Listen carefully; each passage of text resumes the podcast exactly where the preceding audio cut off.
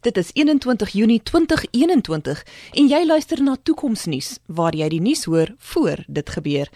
Ek is Jonita Foster en hier volg vandag se hoofberig. 'n Verdagte in 'n moordsaak is gearresteer op grond van 'n foto-identiteit wat saamgestel is deur gebruik te maak van slegs DNS wat op die moordtoneel gevind is. Die foto-identiteit van die verdagte is deur middel van sosiale media versprei. 'n Anonieme oproep het die verdagte aan polisie geïdentifiseer verlede Vrydag.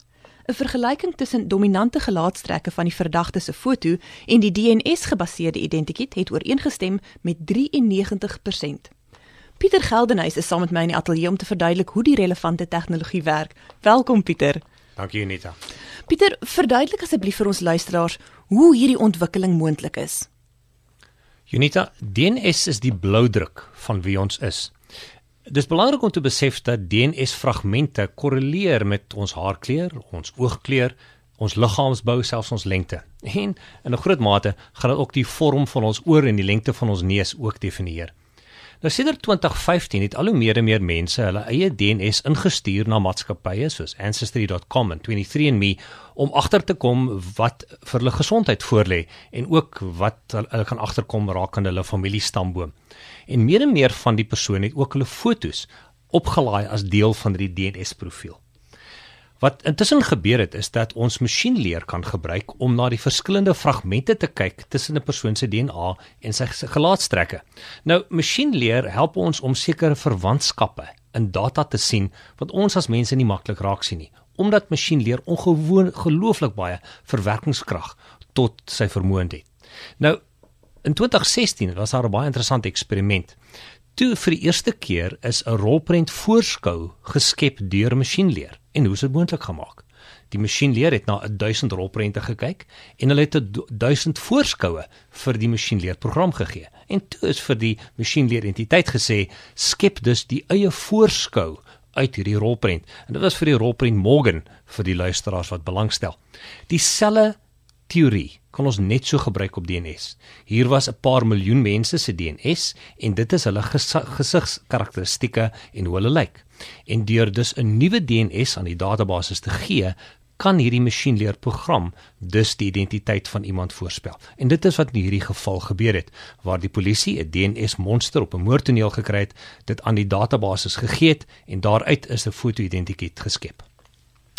Nou maar Pieter, kan hierdie data en persoonlike inligting en gelaatstrekke ensovoorts wat aan die polisie beskikbaar gestel word, nie gesien word as privaatheidskending nie?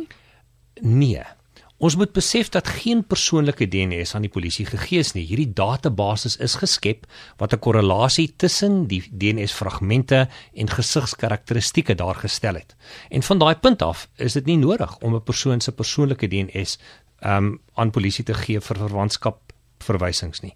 Wat egter nou belangrik is, is dat uh, DNS op 'n moordtoneel ontleed kan word en dan aan hierdie database gegee word om dus hierdie foto-identiteit te bepaal. En dis wat in hierdie geval gebeur het. Wat is die moontlike wyeer impak op die samelewing van hierdie ontwikkeling?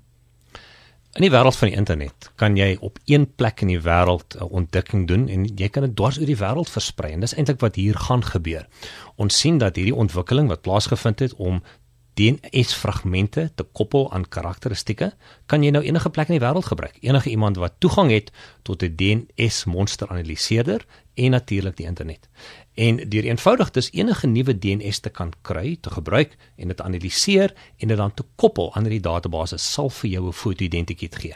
Dieselfde manier hoe vingerafdrukke 100 jaar terug 'n revolusie veroorsaak het in hoe ons misdade kon oplos, voorsien ons dat hierdie tegnologie ook in die toekoms baie maklik baie makliker vir polisie gaan maak om iemand vas te spoor die, as hulle eenvoudig DNS op die moordtoneel of op die misdaadtoneel kry. Dankie Pieter. Die verdagte se prokureur het gesê dat daar geen gronde is waarop haar kliënt gearresteer kan word nie. Sy is van die mening dat die saak uitgegooi sal word omdat identiteits gewoonlik saamgestel word deur ooggetuies. In hierdie geval was daar geen ooggetuies tot die moord nie. Dit was Pieter Geldenhuys en Jonita Vosser vir Toekomsnuus waar ons die moontlikhede van die toekoms ondersoek.